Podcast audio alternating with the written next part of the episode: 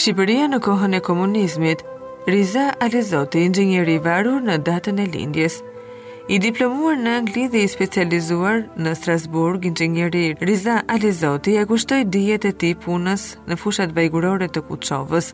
Aty e arrestuan dhe aty e sollën pas disa muajsh për ta varur në litar. Ishte mëngjesi i 10 tetorit 1947.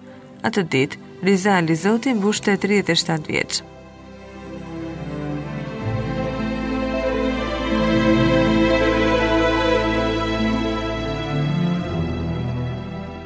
Rizai ishte djali i vogël i Fejzi dhe Ismihan Alizotit.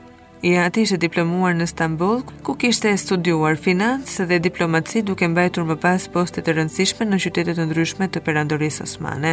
E ëma ishte bija e familjes Koka, një prej familjeve më në zë të Delfinës. Kur lindi Rizai, më 10 tetor të vitit 1910, ata ndodheshin në Stamboll. Fezi u rrit në një vilë me tetë dhoma, mes një kopshti plot pemë dhe lule, rrethuar nga kujdesi i prindërve, vëllait të madh, Hasanit dhe tri motrave.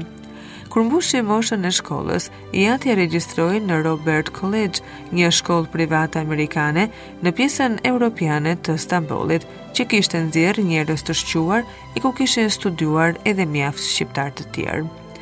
I ati i Rizait zhvendosej shpesh nga një qytet në tjetrin për shkak të punës, por në vitin 1913 ai u largua nga Stambolli si i dëbuar për shkak se ishte anëtar i Komitetit Shqiptar. Në Shqipëri mbajti detyra të rëndësishme si prefekt, ministër, administrator qyteti apo edhe drejtor financash.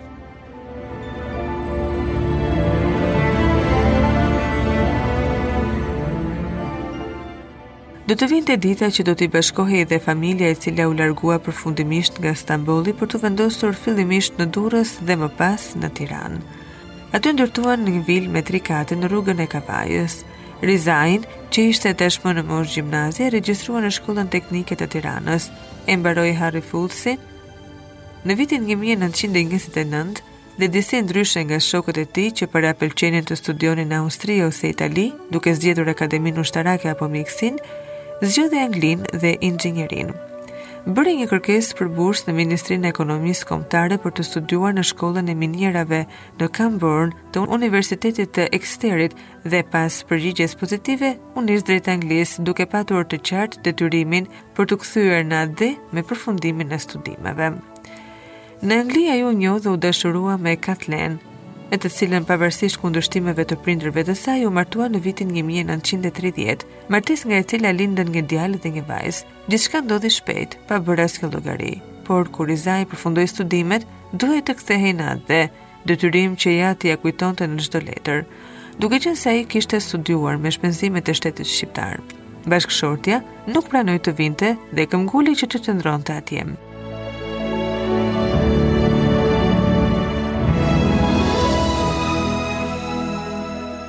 U kthye në Shqipëri, por zemra dhe mendja mbetën tek familja. Mundohej ta mbante gjallë marrëdhënien me anë të letrave, por ishte e vështirë. Në një nga këto letra merr lajmin e kobshëm që djali i tij kishte humbur jetën në një aksident. Dhimbja e ndau edhe më shumë, derisa humbën çdo komunikim. Pavarësisht që Rizai, sa herë mundte i dërgonte ndonjë dhuratë të bijës që e kishte pagëzuar me emrin Belkiz.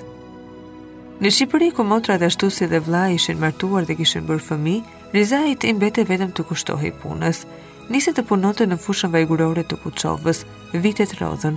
Në vitin 1938 shkoi në një specializim në shfrytëzim minierash në Strasburg, nga ku u kthye sërisht në Shqipëri. Në këtë kohë kur kishte mbushur 30 vjeç dhe kur të afërm dhe miq iu vunë pas, vendosi të krijonte familje. Gruaja e tij do të bëhej vajza e vetme e Jakup Ypit, Vera, që kishte studiuar në Torino dhe vinte nga një familje e dëgjuar, si nga nëna, Pasi gjyshi Fehim Zavalani kishte qenë rilindas i dëgjuar dhe nga i ati, duke qenë se xhaxhai i saj Xhafer Ypi, kishte qenë kryeministër i Shqipërisë në vitin 1922. Vera e bukur dhe e dashur do t'i mjekonte disi plagët e shpirtit Rizait dhe do t'i rikthente gëzimin e jetës. Në vitin 1941 ata u martuan me një dasmë madhështore në shtëpinë e prindërve në Tiranë, me festime që zgjatën disa ditë dhe menjëherë më pas u nisën për muaj mjalti në Romë, ku u takuan me vëllanë e Verës që studionte në Modena.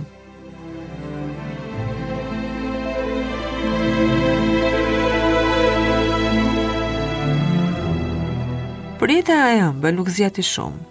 Në vitin 1944, komunistët arrestojnë babain e Rizait, ndërkohë që disa ditë më parë kishin arrestuar vëllain e tij, Hasanin. I akuzonin si armiqë dhe bashkëpunëtorë me okupatorin pa asnjë provë. Fejzi Alizoti u gjykua nga gjyqi special dhe u dënua me pushkatim bashkë me 16 intelektualë të tjerë në prill të vitit 1945. Dy ditë pas pushkatimit të tij, doli në gjyq Hasani dhe u dënua me 2 vjet burgim. Rizai nuk mund të bënte asgjë. I mbetej vetëm të punonte. Vazhdoi punën në Kuçovë, ku tashmë jetonte me familjen e tij në një strehë të ngrohtë në mes të stuhisë. Shtatori i vitit 1946 e gjeti me tre fëmijë. Pas dy vajzave lindi një djalë dhe i vuri emrin e të atit, e që vite më vonë do të bëhej një tjetër i dënuar politik, tashmë i brezit të tretë të Alizotëve. Ai nuk do të njihte të atin sepse ishte ende i vogël. kur Rizain e arrestuan në maj të vitit 1947.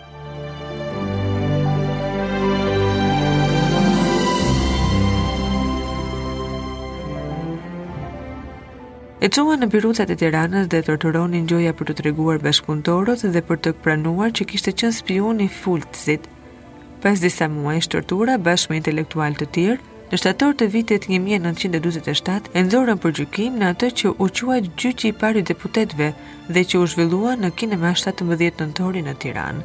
Vendimi për të si dhe për Shefqet Bejën dhe Sulo Klosin ishte varje në litar. Vendosën ta ekzekutonin në Kuçovë, ku kishte punuar për vite me radhë. Nuk ishte gdhirë ende, Kur shkuan ta merrnin për ta çuar në vendin e ekzekutimit, ishte data 10 tetor 1947, ditëlindja e Rizait. E varën në një vidh në qendër të Kuçovës dhe e lanë aty deri të nesërmen. Trupi i tij humbi.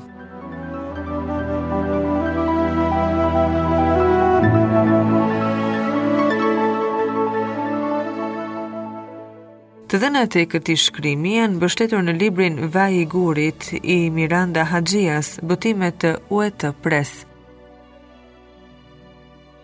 Riza Alizoti, inxhinieri i varur në datën e lindjes. Shqipëria në kohën e komunizmit në podcast.com.